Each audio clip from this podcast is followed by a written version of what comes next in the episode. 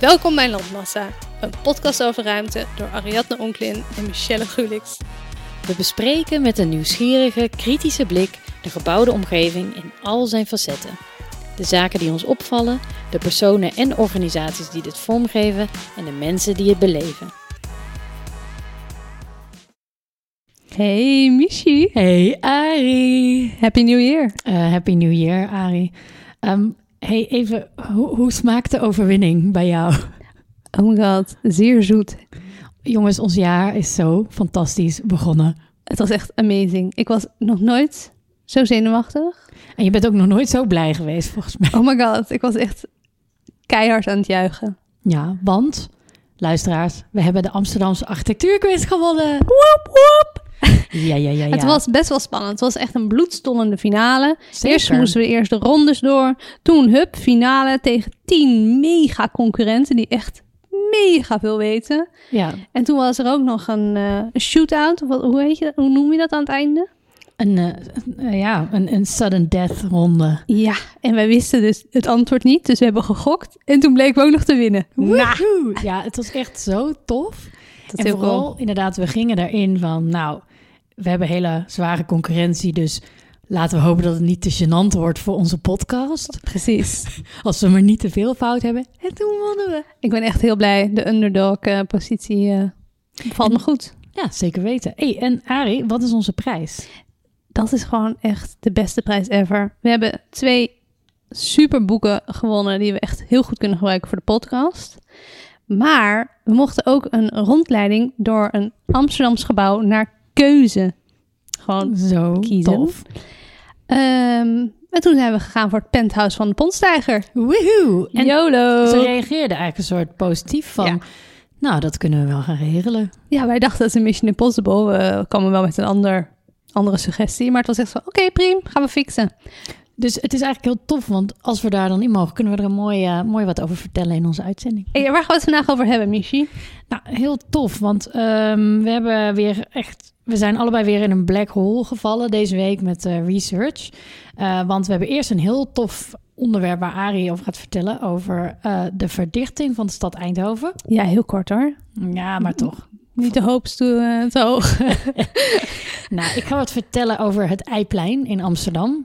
Eh, dat eh, beschermd stadsgezicht is geworden.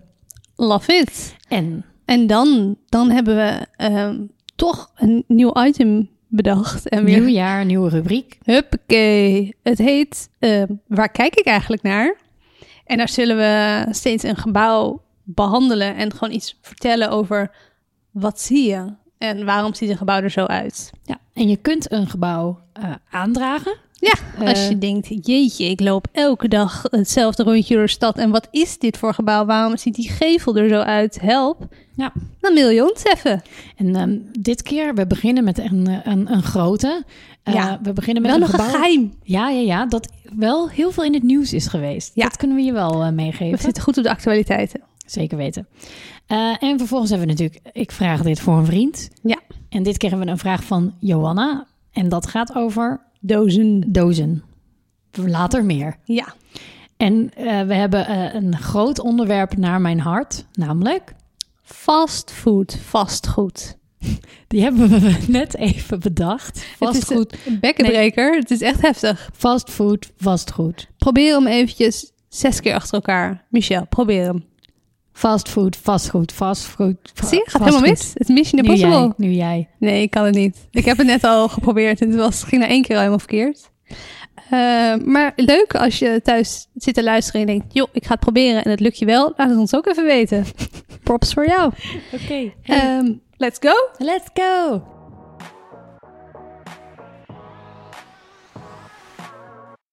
Als Brabander eh, hoor ik altijd graag eh, meer over Eindhoven. Ja, ik had dus een goed voornemen. En dat was mijn Amsterdamse bril soms eventjes af te zetten. Mm. En ook mijn blik op, zou maar zeggen, de rest van Nederland soms te werpen. En eh, nou, ik dacht, ik zag iets leuks voorbij komen over Eindhoven. Ik vertel dat gewoon eventjes.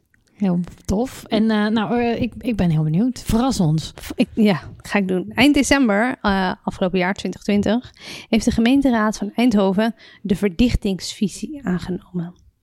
Ja, het is een plan om de binnenstad groener, aantrekkelijker, gasvrijer, socialer en levendiger te maken. Er komt hoogbouw in de binnenstad. Er komt veel meer groen.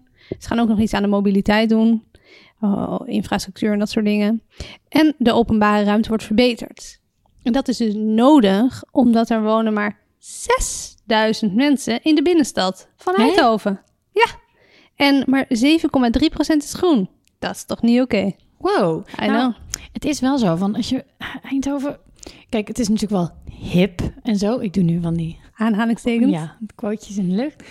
Ehm, maar het is nog steeds qua architectuur natuurlijk een heel een beetje een grijze, stenige bende daar. Ja. Het wordt wel steeds be- er wordt wel veel gebouwd al, en veel hoogbouw ook, maar Ja. ja, maar het is toch wel heftig. altijd. Maar ik vind 6000 mensen niet zo heel veel. Maar als je maar 7,3% groen hebt, snap ik het ook wel. Als je het vergelijkt met de grachtgordel hier, dat is toch gewoon... In Amsterdam is die grachtgordel ademt groen. Dat is ook een van de redenen waarom het Ja. UNESCO Werelderfgoed is. Nou, Winnie Maas, de man van MVRDV, die is eh, supervisor van de binnenstad van Eindhoven. En die heeft heel slim even zijn eigen architectenbureautje ingezet om een plan te maken. hoe mag dat eigenlijk? Ja. Eigenlijk vind ik dat dan Beetje belangenverstrengeling, hè? Ja, want als je zo'n soort stadsbouwmeester bent of zo, of supervisor, dan moet je toch eigenlijk neutraal kunnen blijven. Ja, nou, het is ook wel makkelijk om je eigen bureau in te zetten natuurlijk. Maar ik ben het wel met je eens. Nou, hij heeft dus eigen bureau MVRDV ingezet om dus dit plan te maken. En nu denken jullie luisteraars, huh, MVRDV, wie zijn dat? Dat zijn, eh, is een architectenbureau die onder andere de voethal in Rotterdam, depot, nieuwe depot van Boymans van Beuningen ontwerpt. Ja. Helemaal met die spiegels. En ze hebben het plan gemaakt voor Oosterwold in Almere, Silodam in Amsterdam. Nou, heb ik even hup, opgenoemd. Gewoon uit de mouw. Nee, grapje. Ik heb, Hoppa, ik heb het opgeschreven. Oké, ehm, maar bij die 6000 inwoners in de binnenstad, daar komen meer dan 10.000 woningen bij. Wow. I know. En ze willen dus een allure-injectie eh, toevoegen. I love dat allure-injectie. En ze gaan ook wat culturele instellingen toevoegen voor de kwaliteitsimpuls. En eh, groen, dat moet dus mee bij helpen bijdragen aan een fijner vestigingsklimaat. Maar het is natuurlijk ook goed voor het milieu. Dus er is een Mhm. enorm duurzaamheidsverhaal aan bij met ook groene daken en zo. Dus ik denk dat het wel mooi is. Ja. Dus als we over een paar jaar naar Eindhoven gaan, moeten we een andere binnenstad ervaren. En zijn er al plaatjes? Zijn er al soort visuals van... Ja, die renders die zien er zeer aantrekkelijk Oh uit. ja, is het een groene oase met eh, alleen maar, groen. alleen maar jonge, hippe, mooie, knappe mensen? Alleen maar en natuurlijk allemaal lekkere gekleurde pastelkleurtjes. Ja. En ja, Ja, hangende tuinen, gevels, precies. groene Ja, gevels. helemaal. Ehm, ehm, zonnepanelen in coole vormen. Ja. ja, we moeten daar ook een keer over hebben, over die eh, visuals. Eh, nou ja, we, we kunnen nu al ja, effecten zien in Eindhoven. Want ze zijn al aan de bestrating en de vergroening in de openbare ruimte begonnen. Eh, gaan ze een beetje Pucciniën daar? Eh, wellicht, wellicht.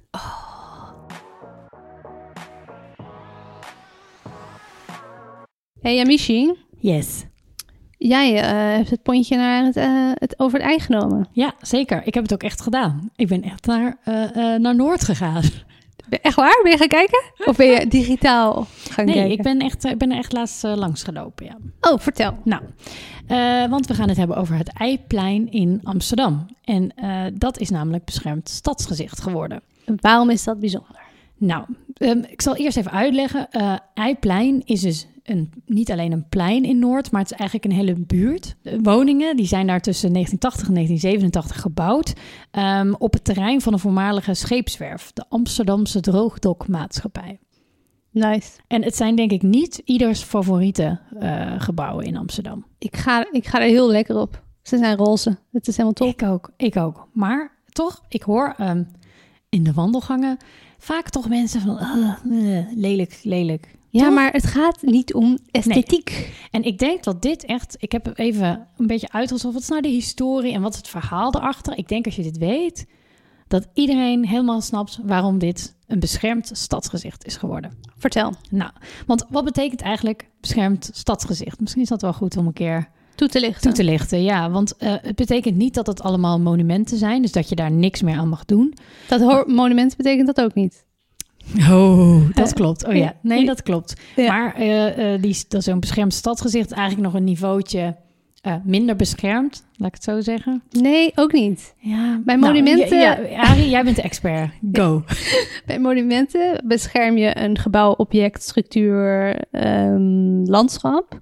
En daarin bepaal je per dat object, structuur, landschap wat waardevol is. En dat wat dus beschermd mag of moet worden, dat bescherm je dan. En dat is dan een monument, een gemeentelijk monument. Je hebt ook nog provinciale monumenten en je hebt ook nog rijksmonumenten. Mhm.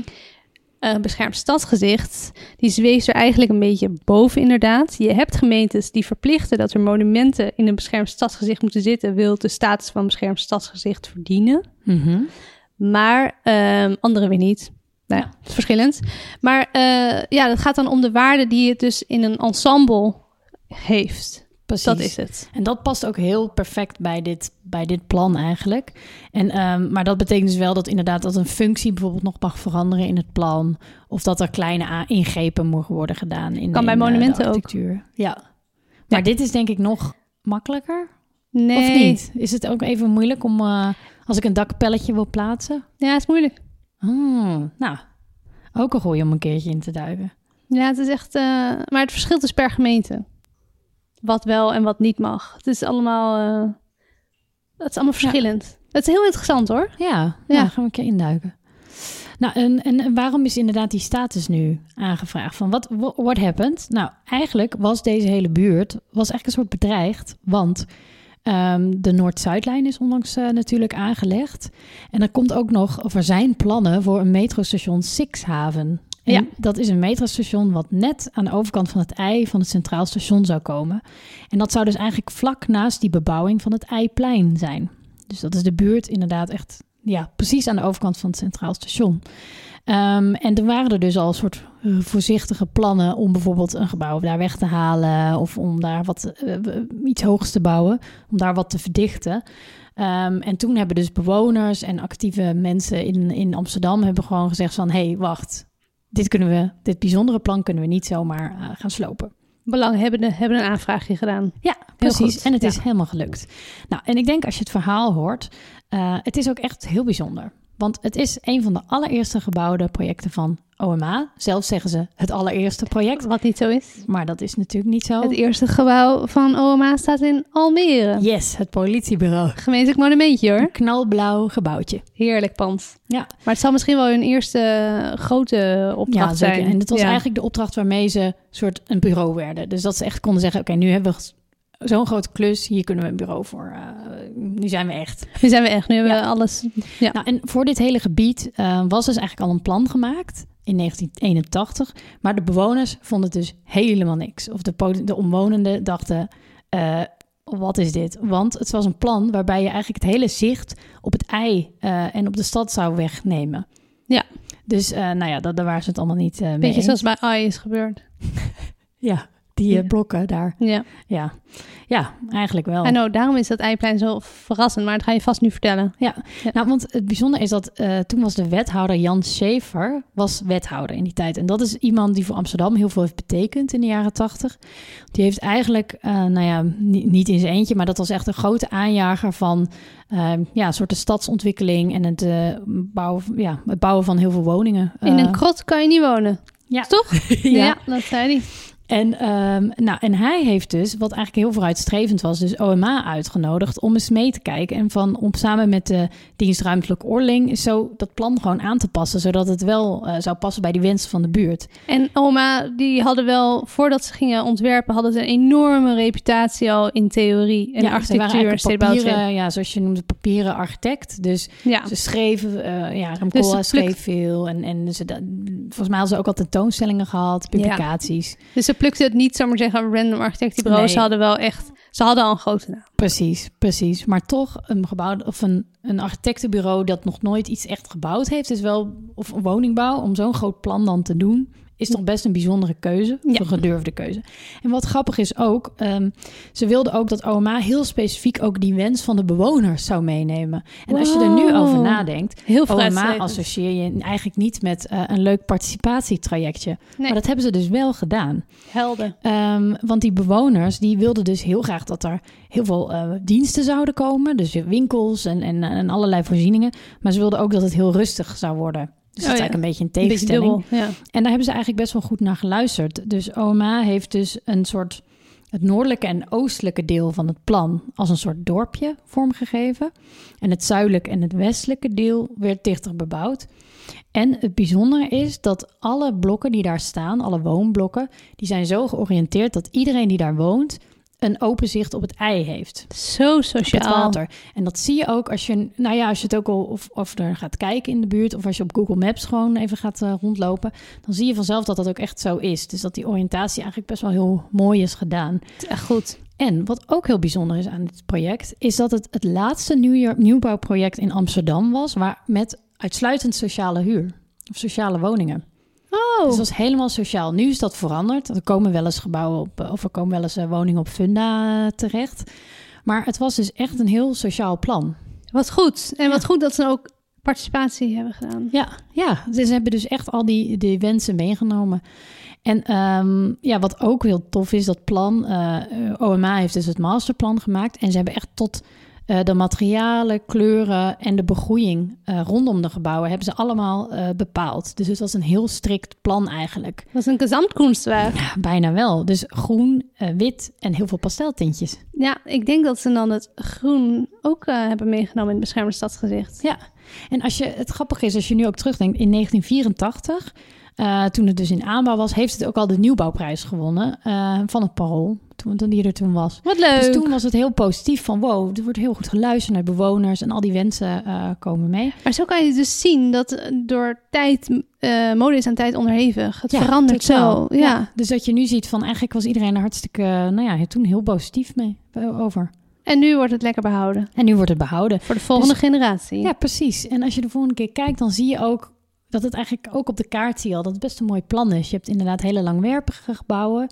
Daar zitten wat, ik denk wat kleinere woningen, de appartementen boven de winkels. Ja. En dan je hebt die soort villa-blokken, waar dan ook kleine appartementen in zitten, in die soort kubusjes. Ja. En die staan dan inderdaad in een soort groene omgeving. Dus Echt eigenlijk cute. heel bijzonder dat dat op zo'n plek waar ontwikkelaars inderdaad nu heel veel geld zouden kunnen verdienen om een paar torens te bouwen, dat dit dan toch behouden wordt. Heel goed. Goede keus. Icoon van 80s. Ja, love it. hey, en eh, wat gaan ze nu doen met de Sixhaven? Eh, nou, die komt er als het goed is wel. Over een paar, ik denk dat het nog niet, volgens mij is er nog geen go. Maar ik denk dat dat over een aantal jaar gaat dat gewoon wel er komen. Maar dan blijven dus die, als het allemaal, als het allemaal fatsoenlijk wordt gedaan, blijft dus gewoon dat eiplein eh, zo staan zoals het nu is. En het zou helemaal leuk zijn als het ontwerp van die halte een beetje aanpassen aan de jaren 80 architectuur, aan de omgeving. Dat zou cool zijn.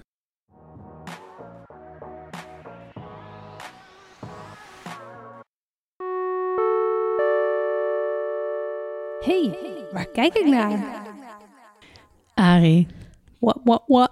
onze nieuwe rubriek. En we beginnen met een knaller volgens mij. Tell me all about it. Oh my god, het is een, het is een gebouw. Je komt er niet omheen. De afgelopen week was het alleen maar het nieuws. En het is nog steeds in het nieuws. Het is echt... ehm, nou ja, ik ga zo eventjes vertellen wat het is. Maar eerst even de oproep. Joh, denk jij, waar kijk ik eigenlijk naar bij een gebouw?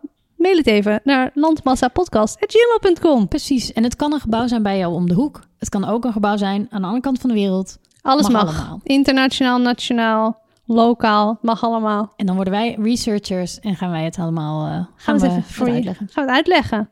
Want ehm, ja, waar ga ik het over hebben, Mich? Het Capitol What? in Washington. What, what, what? Wat, heb, wat was er aan de hand? Ik heb het helemaal was er niet aan de hand? Nee. OMG. Eh, nee, er was dus eh, inderdaad eh, een week geleden inmiddels al volgens mij... Ja, een grootse bestorming van het Capitool door een stel ehm, ja, terroristen, aanvallers, Trump-aanhangers. Alle, mm, ja, gewoon gekkies. gekkies. Gekkies. Nou, het gebouw was vol in beeld. En toen dachten we, waar kijk ik eigenlijk naar? Dus Hoe- we gaan het over hebben. elkaar? Hoe En- zit het in elkaar? Ja. Nou, als je het over het kapitool hebt, dan heb je het meer over meer dan 109 hectare grond. Met daarop tal Wow. van monumenten, bibliotheken, kantoren van de Senaat, de Supreme Court Building, botanische tuinen en nog veel meer. Eh, maar wat er ook op staat is het Capitol Building. Het gebouw waar we het vandaag over gaan hebben in deze nieuwe categorie. Ja, en het is een soort ja, klassicistisch gebouw met een koepel. Zover, Wacht nou even, zover Michel. was ik. Alles al verklappen hier ook. Oh. Oh, oh, oh. Nou, ik heb dus al die afmetingen lopen omrekenen in een eh, Google eh omrekeningetje. Dus ik hoop dat alle aantallen kloppen. Maar het, eh het kapitool huisvest de Senaat en het Huis van Afgevaardigen. Een beetje zoals wij de Eerste en Tweede Kamer hebben in Nederland. Mhm. Ja. En het gebouw is 140.000 vierkante meter. Heeft meer dan 600 kamers. En, Wow. en gangen van meer dan 1 kilometer lang. Damn. Ja, dat zijn feitjes die je wil weten. Het is dus ontworpen in een neoclassicistische architectuurstijl. Dat zal onze vriend Trump vast heel fijn vinden. Precies. Heb je geen idee waar we het over hebben? Luister even aflevering Eén. 1. Ja. Huppakee. Nou, in de 19e eeuw was dat gewoon een mega populaire stijl. De neoclassicistische architectuur. Wow, dat is ook al zo'n eh, tongbreker. Mhm. Eh, ze keken toen naar de klassicistische architectuur die in de oudheid werd gebouwd door de Grieken en daarna door de Romeinen. Zal ik even een klein fun factje vertellen? Ja. De Grieken gebruikten vaak massief marmer voor het bouwen van hun tempels en chisels. En de Romeinen gebruikten andere stenen voor de bouw van hun gebouwen en plakten daar dan marmer tegenaan. Of ander natuursteen. Oh ja, want de Romeinen hadden natuurlijk beton. al. Precies. Dus Dus, die, je denkt, Yes. wat? Maar ja, er zit toch wel een, eh, een verschilletje in. Het Maar was eigenlijk gewoon neo-Griekse stijl was dat eigenlijk, die Romeinen. eigenlijk wel. Eigenlijk wel, ja. Ja. Eh, Nerds. Maar waarom gingen ze nou bouwen in die stijl? Voor de 19e eeuw werd er in Amerika namelijk voornamelijk gebouwd in koloniale stijlen met vooral Spaanse en Engelse invloeden. Als je daar meer over wil weten, verwijs ik je naar de show notes. Het is heel interessant. Eh, maar daar ga ik het nu niet over hebben.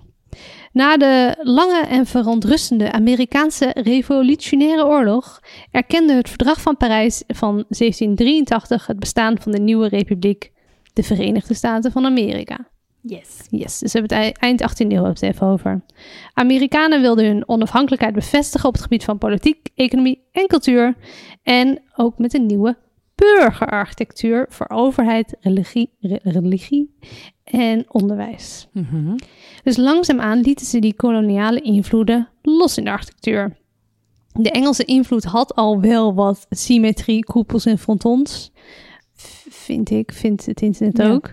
Ook al verwijzen naar Rome en Griekenland. Maar de Amerikanen wisten er toch uiteindelijk een twistje in te brengen. En het echt naar een Amerikaans genre van neoclassicisme te brengen. Ja. En eh, ja, in die tijd werd Washington de nieuwe hoofdstad. En het moest eh, het ideaal van de monumentale stad hebben en het neoclassicisme. Dus in de stedenbouw zit ook klassicisme verwerkt. En het is echt leuk. Ga even naar Google Maps en ga even naar Washington.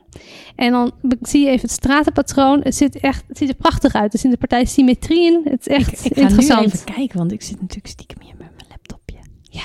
Het is ook een soort groot park of zo. Of het is een soort mega groot, mooi symmetrisch park waar het in Ja, ligt of zo. I know. Ben je er wel eens geweest? Nee, eh, ik wil Oh, ik zou dat ook graag wel willen. Oh ja, het is echt een soort boulevards of zo. Maar dan met, ja, echt een grid is het. Maar, Cool. maar niet zoals New York. Nee. Het is echt Nee. het is helemaal anders. Ja. Het is heel interessant. Eh, en hartstikke leuk. Nou, het kap- kapitool werd gebouwd in meerdere fases. Dus het heeft ook aardig wat architecten. Ik heb niet een lijstje met architectennamen gedaan. Ik dacht, dat is een feit, zijn feiten die je toch niet onthoudt. Mhm. En er is begonnen met de bouw in 1792, dus eind 18e eeuw. Kort na de voltooiing eh, werd het gebouw eh, in de fik gezet ja. door de Britten in een oorlog in 1812. En toen begonnen ze in 1815 maar opnieuw met de bouw. En toen was het klaar in 1830. En in 1850 werd het weer uitgebreid. Dus de, het gebouw heeft heel veel bouwfases. Ja. Ehm, dus ja, het, het heeft gewoon heel veel la het is een gelaagdheid. Ja, ja, ja. En het moet dus helemaal de architectuur van Amerika ademen. Dus dat is wel heel Washington staat vol met neoclassicistische gebouwen. Ja, ja. En ze dachten in een van die bouwfases, joh, we hebben er een koepeltje op zitten, maar we vinden hem toch niet zo mooi. dus de koepel die we nu zien, dat is een nieuwe koepel.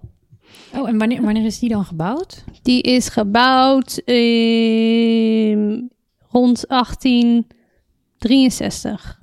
Want dat is echt precies gewoon een koepel zoals, ja, ehm, de Sint-Pieter of eh Precies. St. Paul's Cathedral. Daar, Het- daar moest ik ook Precies, hij, die architect die was echt van, hmm, hmm, waar zou ik naar kijken? Die heeft inderdaad in de St. Paul's Cathedral in Londen Nou. heeft hij gekeken. Bam! Bam, wat een architectuuroog heb jij. Hij heeft gewoon alle grote koepels van Europa bekeken. Het Ja. Pantheon in Parijs, eh Sint-Pieters in Rome en de Isaac-kathedraal in Sint-Petersburg. Oh ja, ja. ja. En wil je weten waarom hij naar deze koepels heeft Nee, gekeken?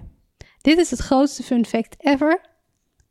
De koepel is gemaakt van gietijzer. Huh? Ja, Echt waar? en hij is wit geschilderd. Nou, leuk hè? Oh. En die koepels in Europa hadden dat ook. Want ehm, de, de koepel is opgebouwd uit verschillende lagen. Ja, Het is, heeft een buitenkoepel en een binnenkoepel. ja, ja. En ik heb geprobeerd dat eh, uit te leggen op papier. Ik ga kijken of het gaat lukken ook al als ik het ga uitleggen. Je hebt dus, maar zeggen, een binnenkoepel. En die ademt helemaal klassicisme. Je kan daar ook eh, naar binnen als het ooit weer open gaat en we mogen reizen. Dan kan je dus echt in die, in die ruimte waar die koepel boven zit. En het ziet een beetje uit als een kerk. als een, ja, het is echt zo'n Ja. atrium idee. Ja.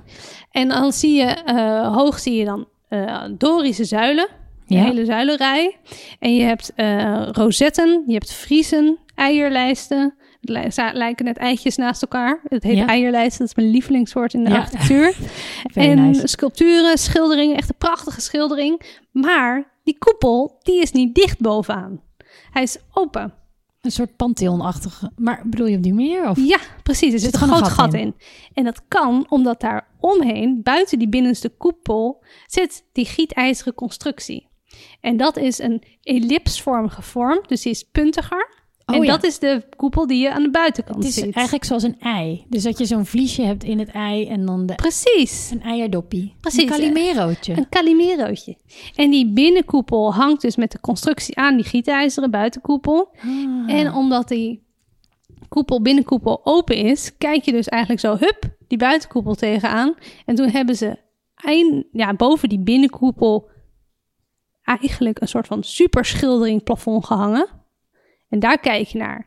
Maar die hangt dus eigenlijk los van de binnenkoepel. Ik ga in de show notes eh, even een, een Oh doorsnede erbij bij, eh, voegen. Ja, wat Want cool. het is echt fascinerend. En is onder die, wat zit er onder die koepel? Dat is het atrium. Daar zit niet die zaal, toch? Nee, daar zit niet die zaal. Die zaten, ik zag wel een keer een, een kaartje, zo, die zitten in de zij, of een beetje aan de zijkant volgens mij, die vergaderruimtes van, de, van het parlement. Of, Ja, precies. Het is. Ja, en ze hebben dus nu een. eh, ze zijn al een aantal jaar bezig om de boel helemaal op te knappen en het restaureren. Ik denk dat ze daar nu weer opnieuw mee moeten beginnen. Maar ze zijn, Ja, dat dus, eh, ze zijn dus met erfgoed aan het restaureren. Er was nog een heel relletje, want er was geen geld, maar het was wel al begroot of weet ik het. Maar uiteindelijk ze zijn zoals ermee elk bezig. eh, overheidsrestauratieproject volgens mij. Precies, precies. Maar echt die binnen- en buitenkoepel is gewoon echt interessant. En helemaal dat hij dus van gietijzer is, is toch hilarisch. Ja, en dat je het gewoon helemaal niet ziet, of daar had ik helemaal niet over. Ja, Ja, je ja. ziet, het is zo'n wit ding. Voor de inauguratie van Trump stond heel de koepel in de stijgers. En toen hebben ze ook ehm, al de verf opnieuw wit gemaakt. Want hij moet natuurlijk wel wit zijn, anders is het niet, Ja, ja, ademt het ja. niet neoclassicisme uit. Oh. Ja. Nog een laatste feitje. De koepel is 88 meter hoog en heeft een diameter van 29 meter. Lekker. Lekker hè?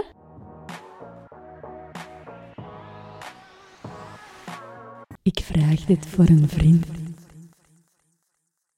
Hey Mich, Hey. hadden we ook nog een vraag binnengekregen? Jazeker. We hadden een mail gekregen van Johanna en die had een goede vraag. Vertel. Hoe zit het eigenlijk met de distributiecentra in het landschap? Daar zijn in korte tijd vele dichte dozen verschenen. Hoe zit het met de welstandseisen van deze gebouwen? Ze blinken namelijk niet uit in schoonheid.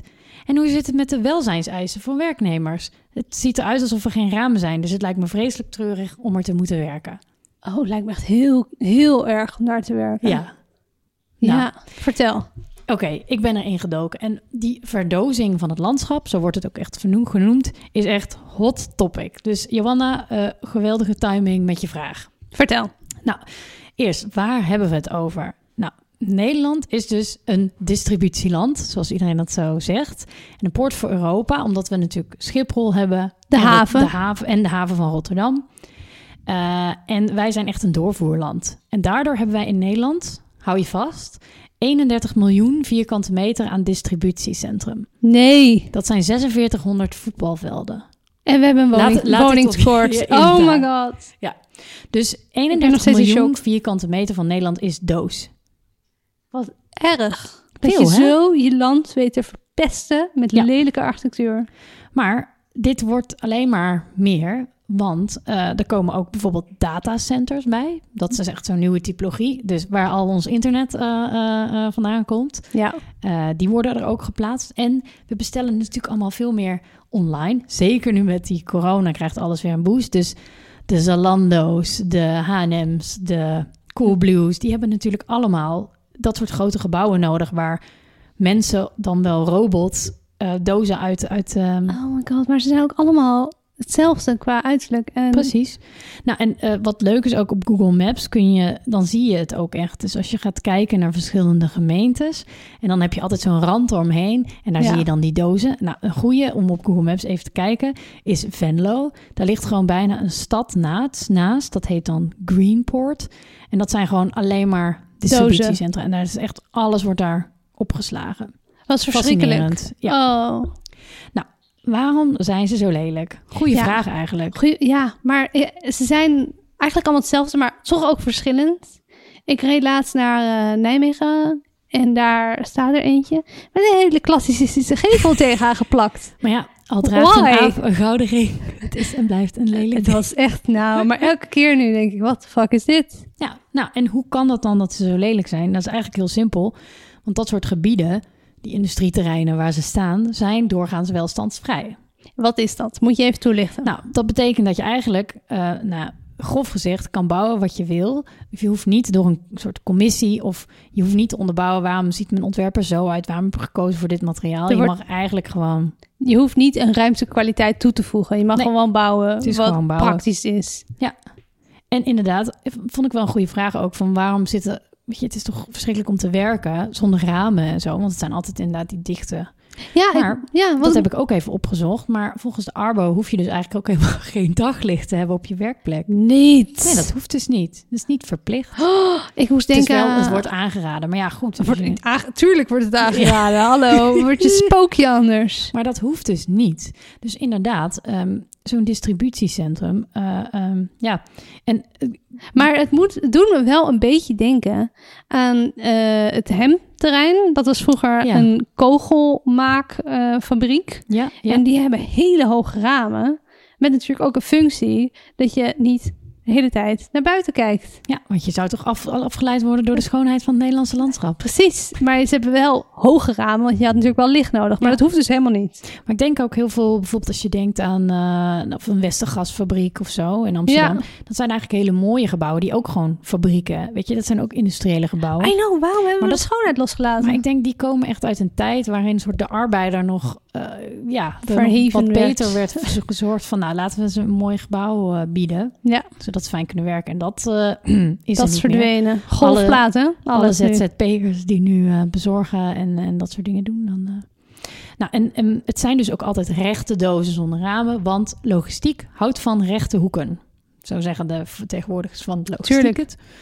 Ehm, in een, een, ehm, nou ja, dit las ik online. Het is ook goedkoop. Wat ze zeggen, in een ronde woonkamer zet je geen rechthoekige banken. Het gaat niet om mooi in een distributiecentrum, het gaat om de verwerking van goederen. Ja, zo, ja Heel praktisch dus. heel prachtig, praktisch. En, en ze bouwen die distributiecentra ook echt in no time. Ja. Er is er laatst eentje in Almere gebouwd. Nou, ik, ik reed er langs en er was niks. En ik reed een dag later langs en er stond een heel distributiecentrum. Ja, die dingen, ze, ze echt paddenstoelen echt, ja. ja, ja. En ehm, nou, die architectuur, dat, het wordt ook steeds minder menselijk. Hè? Want er komen steeds meer, wordt door robots overgenomen. Of is alleen maar dat zo'n vrachtwagen er even ingaat met zijn kont, zeg maar. Ja. En wordt ingeladen en de reis weer weg. Nou, en onze vriend van de show, Rem Koolhaas, die heeft daar natuurlijk ook eh, al goed naar gekeken. Want hij is bezig met het landschap. Ja, met- zeker. Ja, dat hebben we ook besproken. en hij noemt dit eigenlijk, dus die architectuur van distributiecentra en datacenters, die noemt hij post-human architecture. Omdat hier eigenlijk geen architect bij betrokken is. En Nee. het wordt ook niet voor mensen gemaakt. Dit wordt gewoon, dit is het meest functionele architectuur die je kan vinden. Maar het, dat vind ik toch ook wel heftig. Want vroeger had je ook natuurlijk architectuur waar form follows function. Ja, Ehm, en dat is- waren wel mooie gebouwen. Ja, en dit is eigenlijk bijna, zou je kunnen zeggen, dat idee zo ver doorgetrokken dat je inderdaad dat het gewoon, het is een functie, het is bijna geen architectuur meer. Er zitten geen ramen, geen transparantie, geen aansluiting op eh, de omgeving, maar ook niet op bijvoorbeeld architectuurgeschiedenis. Het is niet van, Nee. oh ja, hier is over nagedacht hoe dit is opgebouwd. Nee. Ehm, ja. Verschrikkelijk. Ja, dus um, nou, en er zijn dus nog meer redenen waarom dit altijd zulke treurige gebieden zijn. Want um, we hebben het ook een aantal afleveringen geleden gehad over die hypermarchés. Weet je Ja. nog? Over die grote Franse supermarkten waarom wij die niet hebben. Um, toen hadden we het ook over dat op industrieterreinen heel vaak zo'n functiemenging ook helemaal niet wordt toegestaan. Dus je mag bijvoorbeeld geen horeca of cafeetje neerzetten of woningbouw op zo'n gebied. Nee, Dus het zijn ook echt, dan krijg je dus inderdaad alleen dozen. maar dozen. Ja, Dus nou, ja, zo ontstaat dus de verdozing van ons landschap. wat. Monofunctionele megagebieden in het buitengebied. Het zijn ook gewoon echt financiële redenen waarom Nederland er zoveel heeft. Net zoals die rare energieopslagcentrales wat laatst bij eh, Lubach was, toch? Dat we allemaal windmolens neerzetten, maar... Ja. Nou ja, kijk even Lubach. Nou, dit is ook dat Nederland dus zo'n doorvoerland is. Dat het dus fiscaal voor eh, bedrijven heel interessant is om dingen gewoon even op te slaan in Nederland. Omdat het goedkoop ze is. BTW, eh, dan kun je een soort BTW-regeling krijgen waardoor je die niet betaalt. Die fucking belastingen in Nederland, echt, oh my god. Dus een die bedrijf- verpesten ons landschap dus. Dus internationale bedrijven kunnen dus eigenlijk voor heel gunstig BTW kunnen, moeten ze gewoon even iets opslaan in een Nederlands tussenstation ja, en het dan doorvoeren en dan hoeven ze geen BTW voor invoer of zoiets te betalen. bizar Ja, is dat dus, maar zeggen, de belasting zo'n grote invloed heeft, de belastingdienst bedoel Ja. ik dan, zo'n grote invloed heeft Dus op, ons landschap. Ja, zeker, zeker. En wat er ook bij komt kijken, waarom, wat, er, eh, wat ook een oorzaak is waarom het zoveel dozen zijn, is dat er eigenlijk beperkte afstemming is op provinciaal of nationaal niveau op waar die gebieden dan mogen komen. Dus gemeente Oh. X zegt, nou, wij willen hier, eh, dit is een mooie, mooie weilanden, die gaan we even, dan gaan we dis- distributiecentrum bouwen. En gemeente eh, Y denkt, oh, dat ga ik daar doen. Maar ze hebben bijvoorbeeld, ze hoeven niet met elkaar te overleggen. Het Dus is kan geen nationaal dat- beleid. Nee, dus dan kan het zijn dat Oh. aanliggende gemeentes eh, gewoon allemaal hun eigen dozenparken doen, waardoor je het soort zo klontert langzaam ons landschap. En we Vol. hebben al zo weinig ruimte.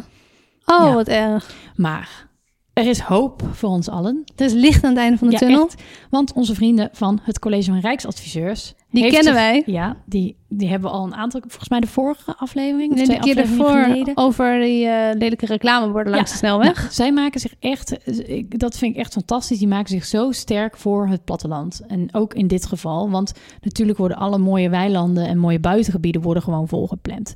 En zij hebben een heel rapport geschreven, een adviesrapport tegen de verdozing van Nederland. Heel goed. En ze hebben een aantal adviezen.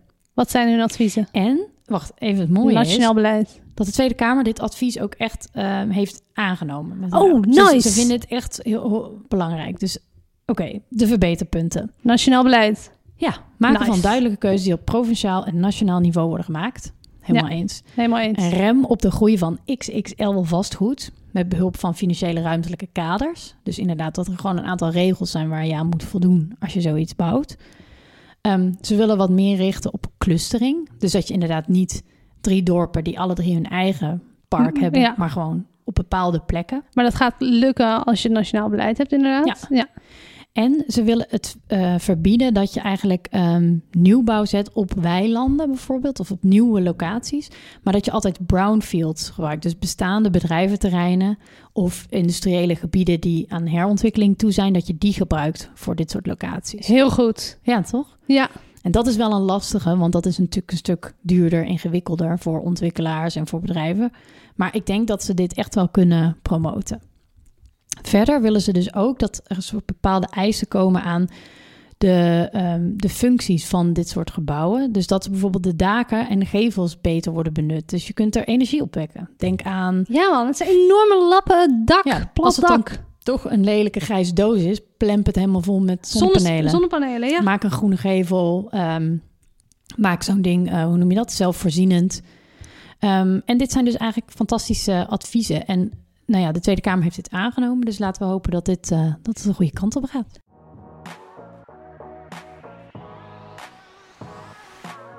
Hey eh, Michi. Ja, Ari. Ik ben nog even aan het bijkomen van die uh, doos in het landschap. Maar we gaan door met dozen, geloof ik, hè?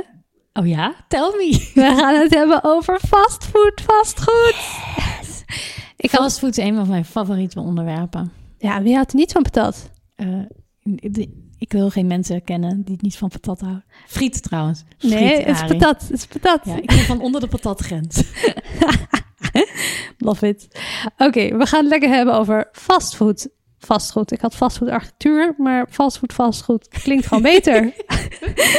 kan het gewoon alleen maar blijven zeggen. Uh, nou, waar, waar komt het vandaan, die fastfood uh, beweging? Mag ik gokken uit Amerika? Ja. Nou, hey. Yes. Dat is wel echt een verrassing, hè? Ja. Uh, de fastfoodformule is al uh, vele jaren geleden ontstaan in de quick lunch establishments. Oh. Waar je dus lekker ging lunchen. Waar je dus enkel kwam om te lunchen. Niet om eindeloos te tafelen of nog met je vrienden koffie te drinken. Je kwam, je ging zitten, je kreeg eten, je had je eten en je ging weer pleiten. Je had uh, buffetjes bijvoorbeeld of menus. En ze maakt het gewoon niet heel comfortabel ook voor je om lekker te blijven hangen. Ja, ja. Uh, dus ze hadden dus in plaats van dat je aan een tafeltje zat, zat je eigenlijk aan een, op een stoel met een soort van brede leuning waarop je dan je bord kwijt moest. Weet je wel, dat idee? Ja, ja. Uh, het hele idee is gewoon, ga gewoon zo snel mogelijk weg weer alsjeblieft, want dan kunnen er niemand, iemand nieuw zitten en dan kunnen we meer geld verdienen. Dat is het hele idee. Gewoon, bam, business. Business, geld, geld, geld. Geld, geld, geld. Nou, in de jaren 50 en 60 ging het nog een stapje verder. En fastfood, zoals wij het nu kennen, snel gemaakt, altijd op dezelfde manier. Een beetje fabrikage, ja, ja. maar dan wel een keukentje. Um, dat ontstond toen. Het Speedy Service System. En ja, klinkt goed, hè? Is dat zeg, zeg maar het McDonald's-model? Precies, ja. Dick en Mac McDonald's hebben dat bedacht en helemaal geperfectioneerd.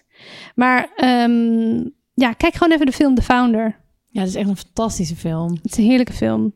En ik heb een docu ook nog gezien en uh, het komt ook wel overeen. Het is natuurlijk wel wat uh, mooier gemaakt in de ja, voor de film. Ja. Maar dan heb je een goed idee hoe uh, de geschiedenis van McDonald's in elkaar zit. Um, waar denk jij aan als je aan een jaren 50 of 60 fastfood tent denkt?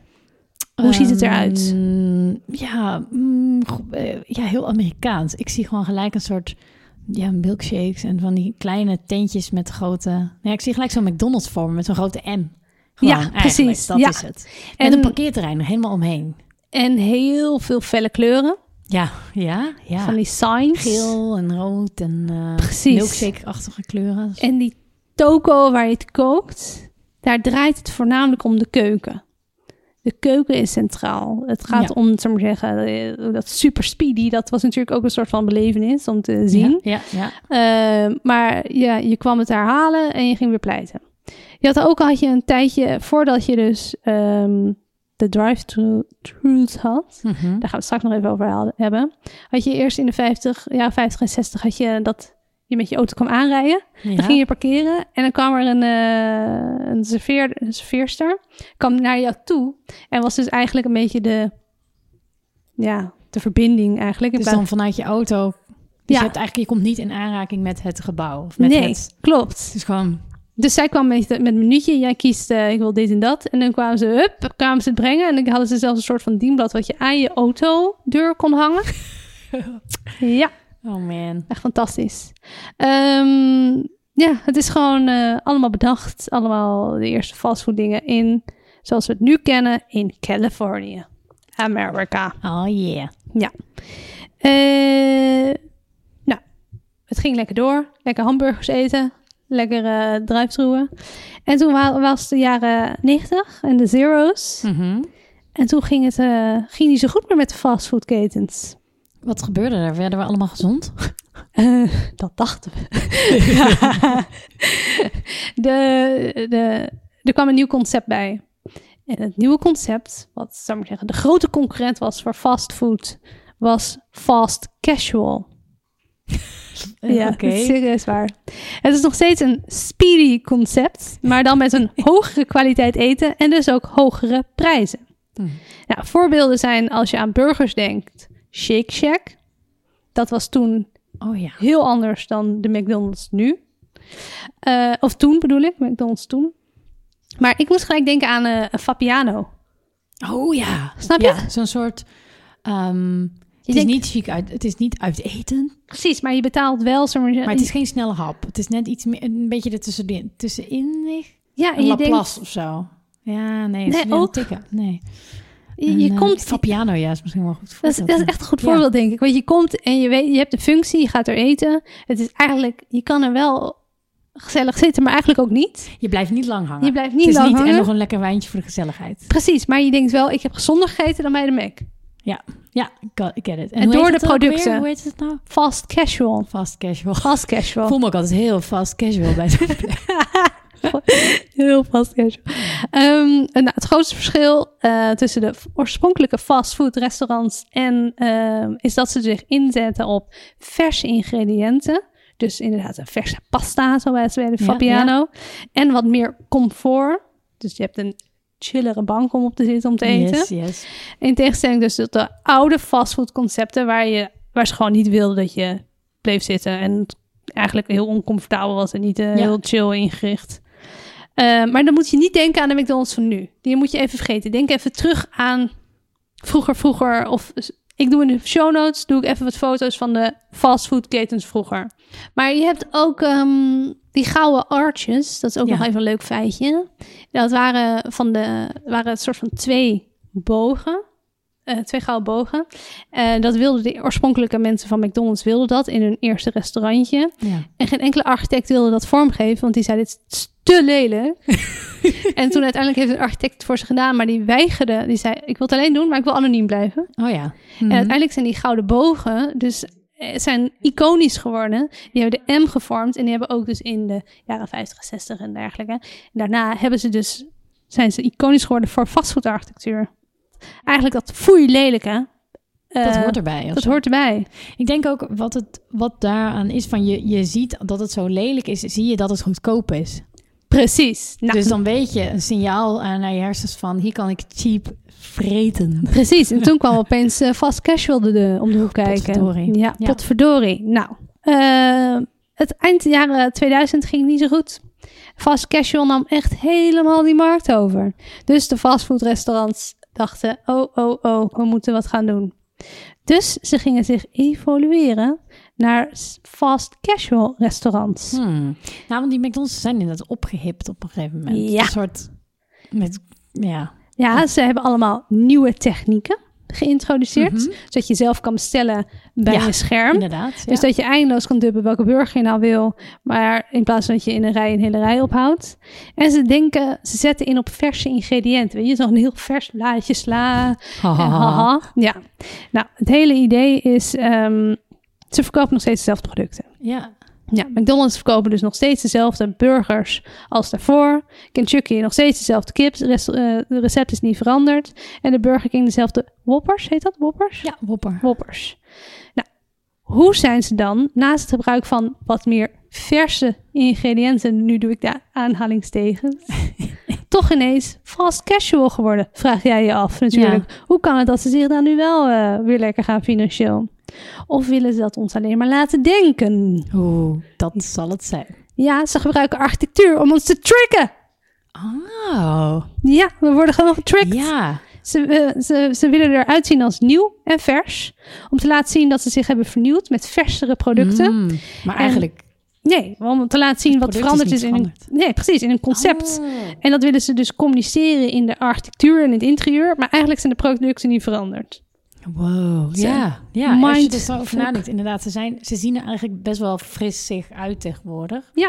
Of En- kleurrijk, of eh, vrolijk. Ongeveer alle fastfoodketens die we kennen, zien er dus tegenwoordig allemaal hetzelfde uit. Ja, dat is ook een klein ja. probleem. Het is heel grappig. Als je, ik gooi zo in de show notes, ze zijn identiek van elkaar. Het is echt hilarisch. En omdat ze allemaal hetzelfde ook willen communiceren.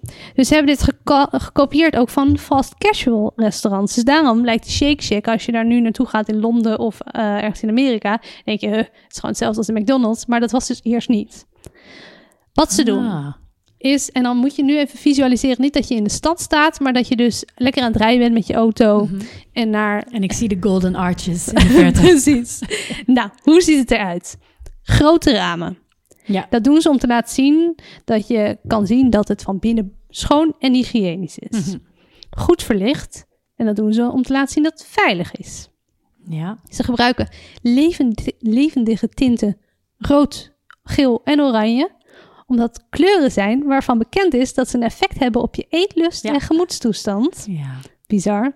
De muziek wordt hard gespeeld en de stoelen zijn opzettelijk ongemakkelijk, toch nog wel, om bezoek- bezoekers dus langdurig af te schrikken en door de ruimte te bewegen, eh, waarin je kan bewegen te beperken. Maar ehm, toch wel wat meer comfort dan eerst. Maar eigenlijk zit je nog steeds niet chill. Dat is toch Klopt, altijd, ja. die bankjes Ja. bij McDonald's, daar zit je eigenlijk nooit lekker in. bankjes. Ja, klopt. De keuken is verstopt. Eh, terwijl in de jaren 50, 60 was de keuken het middelpunt. En dat was ook de trekker, toch? Dat je kan zien van, wow, wat een. Speedy, speedy. Kijk, ze allemaal hetzelfde maken. Dat hele idee, dat, Maar is helemaal wordt wel een verdwenen. beetje bij die trend dat we nu allemaal, ja, ja, met iets authentieker. En ik moet ook gelijk denken van dat brood van de Albert Heijn van liefde en passie. I know. Dat is gewoon fabrieksbrood. Tuurlijk, want ze even afbakken. En dat is hetzelfde Ja. eigenlijk van, Precies. Vers zijn. En, ja. En nu is de keuken verstopt, want ik, oh, daar, Ja. daar, daar is de magic what happened. Eh, we willen niet zien eigenlijk wat er gebeurt. Eh, er hangt gewoon overal boven de deur nog steeds een groot bord logo. Maar als je logo's dus wisselt, is het dus, ziet er hetzelfde uit. ja, klopt. Ehm, het is hoekig als een doos. Ze zijn allemaal Kijk. hoekig, Efficiëntie. efficiënt. En ze gebruiken allemaal hout als materiaal. En dat doen ze soms in de gevel, maar Mhm. ook in het interieur. En waarom is dat? Nou, dat, het hout ziet er natuurlijk uit en moet ons suggereren dat het vers en wellicht wel gezond is. Want uit onderzoek is ook gebleken dat wij als consumenten zijn aangetrokken tot natuurlijke materialen als we ons verplaatsen door de openbare ruimte. Dus gebruiken ze natuurlijke materialen en dat, doet ons, dat geeft ons een goed gevoel om, ze maar zeggen, daar naar binnen te stappen. ja, ja, ja. ja. Ja, het ik krijg gewoon zin om naar de Mac te gaan. Ja, dat snap ik wel. Helemaal met die hout, dat houtmateriaal dat is wel natuurlijk. ernstig. Ja, nou, maar het bedrijf, de menus, ja. alles is nog hetzelfde. Ze willen ons door de waarneming doen denken dat ze dus echt een fast casual restaurant zijn. Door de verpakkingen te wijzigen. Eh hoe heet het? Burger King heeft geloof ik ook weer een nieuwe branding eh, verpakking. De ervaring dus te wijzigen. En ze gebruiken dus architectuur om die ervaring een boost te geven. Briljant. Ja, ze zijn Eigenlijk echt, ja, briljant. briljant, toch? En zij kunnen natuurlijk ook ergens in Amerika dan waar ze zitten, die bedenken gewoon een concept dat kun je gewoon wereldwijd uitrollen. En waarschijnlijk voor hun een verandering in kleur of in materiaal kost wat, maar levert waarschijnlijk Precies. En de op zo'n grote schaal levert dat natuurlijk enorm veel op financieel voor ze. Precies, en het was in die tijd was het gewoon echt nodig. Er moest iets veranderen, want het ging echt niet goed. En ik had gelezen over de Wendy's, die heb je in Amerika. ja. En die hadden dus eh, dit idee ook bedacht. En toen waren het zo van, oké, we hebben eigenlijk alleen maar franchise-nemers. Hoe gaan we ze enthousiast krijgen om dit, deze hele verbouwing toko te financieren? ja. En toen dachten ze, oké, dan doen we er, we hebben er drie zelf in beheer. Die verbouwen we. En dan laten we zien dat het dus positief effect heeft op de resultaten, op de omzet en dergelijke. En dat had het ook. ja. En toen gingen ze allemaal, bam, werden ze allemaal, al die franchise-nemers dachten, yes, dit gaan we doen. En dan deden ze dat wel. Dus het heeft dus echt een bizar veel effect. ja. Ja, maar eh wissel de borden boven de deur. Ze zien er allemaal hetzelfde uit. En dat doen ze dus ook expres. Wist je dat? Wat die borden? Dat ze, zeg maar zeggen, allemaal hetzelfde uitzien. Dat als je dus het bord boven de gevel wijzigt, dat je eigenlijk geen verschil ziet. Ja, ja. Nou, ehm, dat doen ze om klanten van elkaar over te nemen. Ah, Ja, Dus gewoon de herkenbaarheid of zo. Dus dat je... ja dat je denkt van, oh, eh, bij McDonald's heb ik een fijn vertrouwd gevoel als je een echte McDonald's bezoeker bent. En Burger King ziet er hetzelfde uit. Dan denk je, dan is het idee dat je dan hetzelfde vertrouwde gevoel hebt, omdat de architectuur je hetzelfde doet denken. En dan ga je daar ook naartoe. Dus het is eigenlijk een beetje klantje pik wat ze ook doen. Oh. Fascinerend. Nou, het Gaat- werkte. Ik zit ook te denken, ik was dus met studie naar Rusland een keer. nou, het is? Russische eten is dus ehm, nou ja, aardappelballen uit het vet. Ja. En op een gegeven moment waren wij zo van, oh my god, ik kan dit niet aan. En toen was het dus wel dat een McDonald's van, denk je van, oh ja, dan weet ik in ieder geval precies wat ik krijg. Ja. En het is herkenbaar. En ik, ik kan de tekens niet lezen, maar dit is een Big Mac. Die ken ik. Klik, klik, klik. En dan... Know, ze zien er internationaal allemaal hetzelfde uit. dus Heel herkenbaar. dus wel, ja. Ja. en het moet ons dus, ze spelen helemaal in op de ervaring van de consument. Hmm. Helemaal ervaring. Architectuur is daar dus een Echt belangrijke tool voor. Maar toch blijven de- fastfoodrestaurants ook wel experimenteren. Vooral de flagship stores krijgen een nieuwe manier van benaderen. En ehm, ja, ze blijven dan wel verrassen. Maar dat doen ze dus door architectuur weer in te zetten. Om ja, ons een vette ervaring te geven. Een positieve ervaring te geven. Oké. Eh, het meest eh, bekende voorbeeld eh, van een mooi succesvol eh, McDonald's is de McDonald's in Rotterdam Ja, oh, op de. Koolsingel. Ja. van Mei Architecten. En hun kijk op het merk, de renovatie van wat ooit bekend stond als het lelijkste gebouw van Rotterdam, renoveerde dus het typische fastfoodrestaurant tot een gloeiende lichtbaan. Fastfood restaurant. Ja, fastfood. Je zei fastfood restaurant. fastfoodrestaurant. Dat is een gloeiende lichtbak op de hoek van een van de meest belangrijkste boulevards van de stad. En het gebouw met twee verdiepingen heeft een wenteltrap en is bekleed met geperforeerde gouden panelen. Zodat het gebouw altijd schijnt. Ook. Mooi. Ja, maar wat ik dus vind, is dat ze eigenlijk niet zo inno- innovatief zijn. Want als je even de checklist erbij pakt. Ze hebben grote ramen. Ze zijn super verlicht. Dat zeggen ze zelf. Ze zijn aan het shinen. Eh, Ze hebben levendige tonen. Het is nog steeds hoekig. Er hangt nog steeds een groot bord boven de gevel. En ik zie op de gevel geen hout, maar ik, ik durf mijn hand voor in ja. het vuur te steken dat in het interieur wel hout zit. Dus eigenlijk doen ze gewoon dat fast casual concept in een urban stedelijk jasje hijsen. Dat Dat ze is gebruiken het. eigenlijk alle trucs. Nog steeds hetzelfde. De eeuwenoude McDonald's, of nou ja, de, de nieuwe McDonald's trucs gebruiken ze gewoon. Gebruik ze gewoon, maar dan net iets anders. Ja. Maar ze zitten er allemaal in.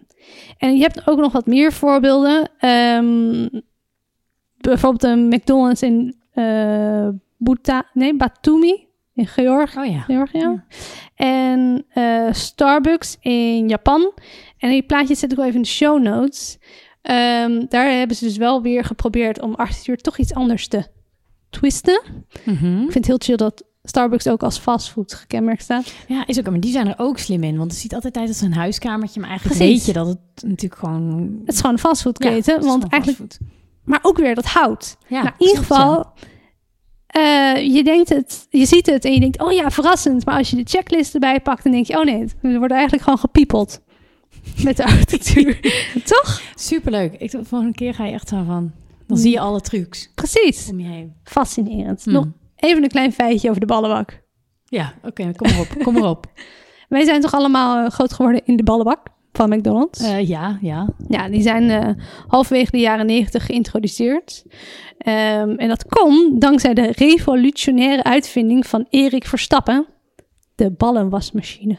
Dus dat je de Oh. ballen kon wassen, machinaal. Dat kon daarvoor niet. Nee, en, daar, en Toen toen was dat... gewoon gore bende natuurlijk. Ja, en toen Is mocht het het, sowieso wel. nog steeds, maar... Ja, ze zijn er dus niet meer. Na 25 jaar plezier is er besloten de ballenbak te sluiten en in te spelen op de toekomst. Dus overal hangen van die kindertablets en dat soort shit. Nee. Ja, de ballenbak is niet meer. Rip, ballenbak. Oh, wat Ja. verdrietig. Verdrietig, hè? Ja. hey, en Mich, als ik dan ehm, aan de McDonald's denk, hè, Ja. Dan moet ik altijd eigenlijk denken aan de, de, de drive-thru. Ja, de McDrive. De McDrive. Oh, Ik ben er echt, ik weet nog dat een paar jaar geleden of zo ben ik daar voor het eerst geweest. Ik had dat nog nooit gedaan of zo. Hoe? McDrive. Nee? Ja, ik vond Hmm. het best leuk. dat snap ik wel. Het is altijd een ervaring. Ik vind het altijd een beetje stressvol. Want je moet dan weten wat je moet bestellen en zo. Ja, ik vind het niet per se heel chill. geloof ik. Het is leuk, het is een soort ervaring, ja. Maar Dat is het. Ja, weer die ervaring. Het is zo fascinerend. Weet je hoe de McDrive heet in eh, Spanje? McDrive. Nee, ik weet het niet. De Mac-auto. en in Chili heet hij de Automac. Oh. Ja, en je hebt iets in eh. Zweden, heb je eentje die heet de Mac-ski. Want die is bij de ski. Nee, echt? Ja. Oh ja, want ik heb nog True story. Je mag dus in Nederland, je mag niet lopen of fietsen door de McDrive. What? Dat mag gewoon niet, want Dus- dan hou je het allemaal op. Dus als je geen auto hebt, heb je gewoon pech. Ja. Die, nog één dingetje over die drive, eh, McDrives. 60 tot 70 procent van de omzet, als een, een, een McDonald's een drive, een McDrive heeft, komt uit die McDrive. Wel, hè? Dus als je een McDonald's hebt en je hebt een, en je hebt een McDrive eromheen eh, rijden, dan haal je dus 60 tot 70 procent van je omzet uit die McDrive. Wow, want je zou denken dat je eigenlijk minder, omdat het meer gedoe is of zo met zo'n auto. Maar het is dus veel sneller. Ja, Oh, ja, ja, ja. Eh, jij had een ander verhaal dan dat ik had over waar de, waar de drive vandaan komt. ja. Oké, waar welke, welk verhaal heb jij gevonden van het ontstaan van de McDrive? Ik heb gevonden dat ze het hebben overgenomen, de fastfood, fastfoodketens, uit eh, de banken zien dat mensen niet meer in de rij wilden staan met hun zak geld buiten op straat voordat ze het konden storten, maar dat ze dus dan lekker met de auto er doorheen konden rijden. Ah, nou, wat ik had gelezen was dat ze dus... Nou, misschien is het wel een combinatie. Ehm, dat de McDrives, dat de eerste, die openden vlakbij een militaire basis. Want de Amerikaanse militairen mochten zich officieel niet in uniform in openbare gelegenheden bevinden. Dus als ze in de auto langs de McDrive gingen, dan konden ze met hun outfitje aan toch hamburgers eten. Dus het kan zijn dat ze gewoon banken, die, dat, dat het een Ja. combinatie is. Dus als dat ook is het inspiratie vanuit die banken en dan die militairen die dan een makkelijke doelgroep zijn. Ja, Hmm. mind blown. Huppakee. Nice. Nou, de drive eh, werd in de jaren 70 werd die mainstream.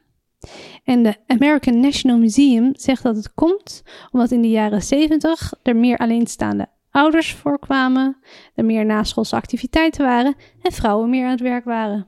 Dus dan konden ze snel een hapje halen. Konden ze even een snelle snack halen. En wist je dat de McNuggets zijn ontworpen met de gedachte van autorijden eh, in, achter in gedachten? Hoezo? De, Dat, je was makkelijk snacken. Makkelijk snacken. Oh my God. nugget per keer. In plaats van dat je een burger Ja, en zo'n op je, op je schoot valt. Nee, Nee. hup, nuggetje. Nuggetje. Want toen wij ons huis aan het verbouwen waren, was echt heel treurig. Toen reden we best wel vaak met de auto langs Breukelen. En dan heb je zo'n Oh, dan heb je Mackie. Ja. En toen hebben we echt, ik denk één week, hebben we wel drie keer stomme McDrive gehaald. En dan, je kunt het inderdaad niet rijdend in de auto eigenlijk eten. Nee, Dan zit je heel treurig in je auto. Zo'n burgertje te zo. vreten. Maar als je de nuggets haalt, kan dat dus wel. Mm. Fascinerend. En de auto's in de jaren 60 werden ook steeds meer ontworpen dat je dus je snackie kon eten. Met een bekerhouder. De bekerhouder werd geïntroduceerd. Echt waar. En, en tegenwoordig is er, moet je zeggen, ah, hoeveel meer cupholders het is, hoe, hoe stoerder je auto is. Ja, en, in de jaren, en toen op een gegeven moment hadden ze ook dat je handschoenen ka- kastje, dat, Ja, ja, ja. dat dat plat kon uitvouwen. Dus dat je daar ook dingen op kwijt kon. Oh my god. I know. Maar nu komt de beste fun fact. Er is een nationale drive-thru day in Amerika. Oh nee. Zet hem in je agenda. Wat een drive treurigheid. I know. 24 juli, elk jaar. Holy We moeten shit. met z'n allen door die drive-thru. Ik vind dat we dat moeten doen het komend jaar. Wel hè? Met je autootje. Vind ik ook wel een goed idee. Laten we dat doen. Ja. 24 juli. Eh, nou, in buiten Amerika zie je vooral eh, de dri- drive-thrus eh, op verschillende op plaatsen waar lage dichtheid van de bevolking woont en de auto best wel centraal staat. Dat snap ik wel. Ja. Maar om die ervaring van die drive nog wat beter te maken, want het gaat allemaal om customer experience. het gaat niet per se, zo moet ik zeggen, om snelheid, natuurlijk dat ook. Maar de experience moet gewoon perfect zijn. Dus het moet schoon zijn en je order moet goed zijn. Hebben ze dus tegenwoordig steeds meer digitale menuborden. Dat je elk moment kan Ja. dat bord worden aangepast als iets uitverkocht. Er zijn meerdere bestelrijen. Dat je dus, eh, je kan ook al op je pokkie kan je online bestellen. En dan heb je dan in Amerika heb je een pick-up service rij. Maar ja, dit wordt wel een beetje, een beetje eng. Ze hebben dus zo'n, ehm dat zijn menuborden die digitaal zijn. Als jij komt aanrijden met je auto, dat ze dan hup, je kenteken bij scannen. Dat ze dan weten Oeh. bij je welke creditcard aan hangt. Van, oh, daar heb je Michel. Die bestelt altijd een dubbele whopper met... Ja, en die verschijnt dan op het menubord Oh. vergroot. Gadverdamme. Dat is eng, hè? Ja, dat is echt naar. Ja, dat is dus de toekomst. Ja, maar de grootste eh, concurrent van de drive is, eh, is de third, de third party delivery. Zoals Deliveroo, Uber Eats Ja. en dat soort dingen. En ja, ze zeggen wel, het vergroot je aantal klanten door daarmee samen te werken. Maar je bent een partij winst kwijt. Dus ehm, ze gaan nu, zijn ze allemaal brainstormen hoe ze in vredesnaam toch nog die drive weer een soort van boost kunnen geven. Ja. Jeetje. Heftig, hè? Ja, Want oh, hoe- maar wat bizar allemaal. Nou, ik ben dus ook gaan eh, in het thema fastfood gedoken. En ik heb ook eens zitten kijken van wat is nou de toekomst inderdaad van dit soort architectuur of dit soort plekken. Ja. Want er zitten natuurlijk zoveel veranderingen in. En ik heb eh, een heel lijstje verzameld met een soort de toekomstvisie van wat gaat er allemaal gebeuren. Hoe gaat het daar in de toekomst uitzien? Nou, en inderdaad, dat lees je overal. Die technologie wordt alleen maar freakier. Oh my god. Dus inderdaad, wat dus ook gaat overkomen, wat verwacht wordt, is dat je bijvoorbeeld in China en Japan heb je al hele robotrestaurants, waar dus eigenlijk geen medewerkers zijn. Oh. Dus robotrestaurants komen eraan, dat wordt gewoon ook de toekomst. En zeker voor dat soort fastfoodplekken, waar Ja. je toch nooit de keuken in kijkt. Precies. Dus eh, of het nou een mens is wat daar staat of een robot, Maakt niet uit. ja. Dus Zolang dat we maar denken wel, door het eh, hout dat we natuurlijk bezig zijn. Ja, en we gaan inderdaad zoveel mogelijk naar dus de contactloze ervaring. Dus inderdaad, wat je zegt, het scannen van je, eh, van je nummerbord. En je hoeft niks meer aan te raken. Of het is een, weet je, Zo eng. Ze denken voor jou na. ja. Ehm, en nu is natuurlijk met eh, corona, is eigenlijk zo'n, eh, ja, die bezorging, dat gaat natuurlijk gewoon, eh, dat, dat, Sky high, toch? Sky High, dat wordt echt het grote. En dus ook, ik geloof dat ze hier in de buurt al staan, hadden we het over de ghost kitchens of dark kitchens. Ja, die hebben hier bij de rij gestaan. Ja. Ja. en dat heb je soms als je op. ik heb het wel eens besteld en dat ik niet wist dat dat niet een echt restaurant was. Want wat die ghost kitchens eigenlijk zijn, is jij bestelt een burger online via thuisbezorgd.nl. En ehm, die worden dan gemaakt eigenlijk in een keuken, maar er zit geen restaurant aan. Dus Nee. het is gewoon een digitaal, eigenlijk een digitaal restaurant. ja, ze huren gewoon ergens een keukentje in de buurt, zodat ze Precies. ook daar warm eten kunnen bezorgen. Inderdaad, dus het maakt helemaal niet uit hoe zo'n plek er dan ook uitziet. Het is meestal zo'n oude garage of een soort rare plek of een industrieterrein. Of een, en dan kun je een industriële keuken hebben. Hop. En eh, dan kun je dus heel veel, eh, nou ja, mega veel bezorgen. En Deliveroo heeft dus ook eigen containers. In Londen is dat al helemaal, Ja. daar staan ze al overal. Maar ik geloof dat jullie ze hier, Hebben ze hier ook hebben, Ja, ja, ja. bij de rij. en dat in Londen is daar dus al heel veel kritiek op. Gewoon doordat dat eigenlijk, nou ja, natuurlijk shit werkomstandigheden zijn. Als je daar werkt in zo'n, dat zijn gewoon containertjes ehm, met een keuken erin. Geen ramen. ehm, Mag Koud. tegenwoordig dus blijkbaar wel. Ja. ja, maar ja, koud in de, in de winter, te warm, veel te heet in de zomer. En ja, het is ook eigenlijk een rare plek, weet je. Een beetje behelpen in een container koken, lijkt me. Ja, en het is ook gewoon, het voegt echt niks toe aan de stad eigenlijk. Nee, Als je nee. over na, van het is echt gewoon ruk natuurlijk. Ehm, maar dat wordt, eh, nou ja, dat gaat wel steeds meer gebeuren. Maar als je het dan hebt over echte restaurants waar je dan kan gaan eten of iets, zelfs al is het fastfood, wat dan helemaal. Kijk, je moet je nu natuurlijk gaan onderscheiden als je daar succesvol mee wilt zijn. Dus bijzondere conceptrestaurants en die een totaalbeleving bieden. Het gaat steeds alleen maar over die ervaringen. ja. ja. Maar dus instawaardige interieurtjes. eh, ehm, eh, een DJ die staat te draaien terwijl jij je burger pakt. En nou ja, ik vind ook bijvoorbeeld zo'n avocado show. Weet je wel, zo'n die soort super specifiek zijn op een bepaald thema. Concept, ja. Of eh, heel overdadige. De, je hebt dan geloof ik in Amsterdam Mama Kelly zo'n roze interieur met eh, een soort bubblegum sfeer. Nou, dat zijn de dingen waar mensen dan nog toch naartoe willen. Dus je moet iets extra's kunnen bieden naast je eten. Want anders haal ik het wel af. Anders eet ik het thuis Oh. wel op. Oh, dat wil Ja. je eigenlijk ook niet. Want dan verandert heel je gezellige Ja. straat Ja. met alle leuke horecatentjes verdwijnen. Precies. Nou, één ander positief iets is nu bijvoorbeeld met corona... Heeft, is daar weer heel veel focus op gekomen. Op buitenruimte. Want je zit natuurlijk heel vaak in restaurants... wel echt zo binnen opgehokt en... Ja. hè, dus buitenruimte wordt veel meer belangrijk. Dus terrassen worden wel wat groter. Ja. En, ehm, en er komen steeds meer restaurants bijvoorbeeld in de natuur. Of gewoon dat je echt de stad uitgaat... eh, zo'n fort, of eh, hoe heet dat, het eiland buiten Amsterdam. waar je Pampus. ja, dus echt zo'n totaal, eh, nee, Nee, ehm, uh, Virtual Eiland. vuurtoren-eiland. Ja, dat is fantastisch. Precies, maar dat, die, die mengen dus eigenlijk perfect dat het een totaalbeleving is. Insta-waardig. En het is buiten in de natuur. Dus je gaat er even uit, uit die drukke stad.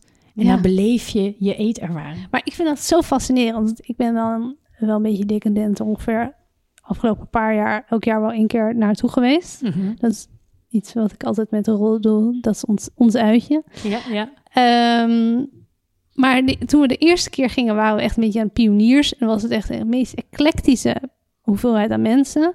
Toen, ik denk twee jaar later, zaten we alleen maar tussen de influencers. Dat je dacht van, wat is dit? Iedereen heeft een soort van onmogelijke outfit aan terwijl je eigenlijk daar in de modder loopt. Maar die is, is op soort van hakjes om goed op de foto te kunnen, weet je wel, dat. Ja, ja. En nu waren we er afgelopen jaar. En toen was het gewoon normaal. Was het gewoon weer normaal, normale mensen. Dat je gewoon, of normaal. Influencers zijn natuurlijk ook normaal, sorry. Maar het was gewoon weer een heel ander publiek. ja, Het is zo grappig hoe dat verschilt. heel weird. Maar ja, dit zijn dus een beetje de, de, de trends eigenlijk, hè? Ja, Maar ja, maar ik wil eigenlijk pleiten Mhm. voor mijn favoriete fastfood-ervaring, namelijk het frietkot. frietjes. Hey wanneer heb je voor het laatst friet gegeten? Patatjes. Love it so much. Je Ja. bent eigenlijk een Belg, toch? Ja, half. Dus paardennassen. Dus ik kom van de grens en friet is a, it's a way of life, jongens. I love it. En dus ook het frietkot. En ik wil, dus Nederland heeft gewoon helemaal niet zoveel frietkotjes. Ik heb dus, nou, in België, je kent het allemaal wel. Er staat zo'n, heel vaak een beetje een lelijk containertje, Ja. maar wel met grote ramen, dat wel. En staat dan altijd op een marktpleintje of midden op zo'n, of aan een drukke weg. Ja, Nou, je kent ze wel. En in Nederland had je er 20 jaar geleden zo'n 1700 in Nederland. Maar ehm, eh, de helft daarvan is nu verdwenen. Dus het Huh? frietkot in Nederland is in ieder geval aan het uitsterven. Oh nee. En in België heb je er dus echt nog heel veel, namelijk bijna 5000. Hoe kan dat? Nou, in België is dus een hele, is gewoon een frietcultuur. Ja, maar wij hebben natuurlijk ook een patatcultuur, Michel. Ja, maar niet. Oké, maar Sorry. het frietkot is echt een specifiek Belgische soort typologie van fastfood. Oké, vertel. vertel. En het is daar ook immaterieel erfgoed geworden. Oh, En oké, super interessant. Ik had er nooit over nagedacht. Hoe is dat nou ontstaan? Want het zijn altijd van die kraampjes eigenlijk, hè? ja. Nou, en het is dus ontstaan op kermissen.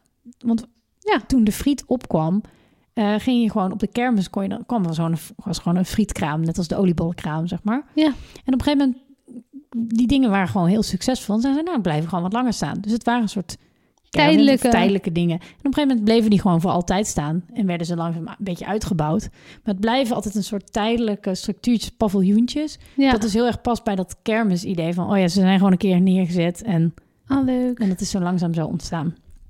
En ehm, ehm, even kijken. Ja, ze blijven dus ook. Ze zijn gewoon eeuwig hetzelfde. Dus er verandert ook weinig aan. En toch is het daar dus extreem succesvol. En die Belgen denken ook dat Nederlanders houden veel te veel van efficiëntie. Dus een Febo uit de muur eh, Ja, super chill. eh, eten trekken. Maar in de Belg die wil een praatje maken en gezellig bij zo'n frietkotje staan. Ja. Dus dat is het. Oh, En maar ik- we moeten dus meer naar de frietkot die we nog hebben in Nederland. Ja, ik vind het wel. Want het is gewoon gezellig en leuk en lekker. Ik vind het heel leuk dat het iemand heel erfgoed is. Ja, toch? Moet je even toelichten wat dat is? Nou, het betekent eigenlijk dat het... eh, eh, nou ja, het staat op een hele lijst van allerlei volksfeesten en gebruiken... die gewoon behouden moeten worden voor de toekomst. Ja, die onderdeel zijn van het collectief geheugen. Hey Mich. Ja. Ik heb nu wel zin in patat. Oh my god, ik ook. Fuck, nice. Frietjes for life. Patatjes. Maar ah, patat, jongen. Echt. Friet. Friet. Friet. laat het Belgische mayo. Nee, eeuw. Ik hou juist van die yoghurt mayo. Of van die eh, frietsaus. Ai, ai, ai. Nou, dat was het einde van de podcast. Dus, eh, Landbouwzaaier. Afleveringen nooit meer opnemen. Oh. hey, ik vond het een lekkere aflevering, Mich. Ja, ik ook. Echt leuk. En eh, ma- mail ons eh, Ja. voor uh, is voor een vriend. Een onderwerp waar je meer over wil weten. Of een gebouw waarvan je denkt, waarom ziet iets, iets er zo uit? Laat het ook weten. Yes, we horen het graag. En als je denkt, joh jongens, ik heb een fantastisch leuk idee voor een hoofdonderwerp. Mag dat natuurlijk ook. Yes. Volg ons op de Insta. Huppakee. Het Landmassa Podcast. Inderdaad. Of je kunt ons ook mailen, landmassapodcast.gmail.com. Veel dank voor het luisteren. Thank you. Doei! Doei.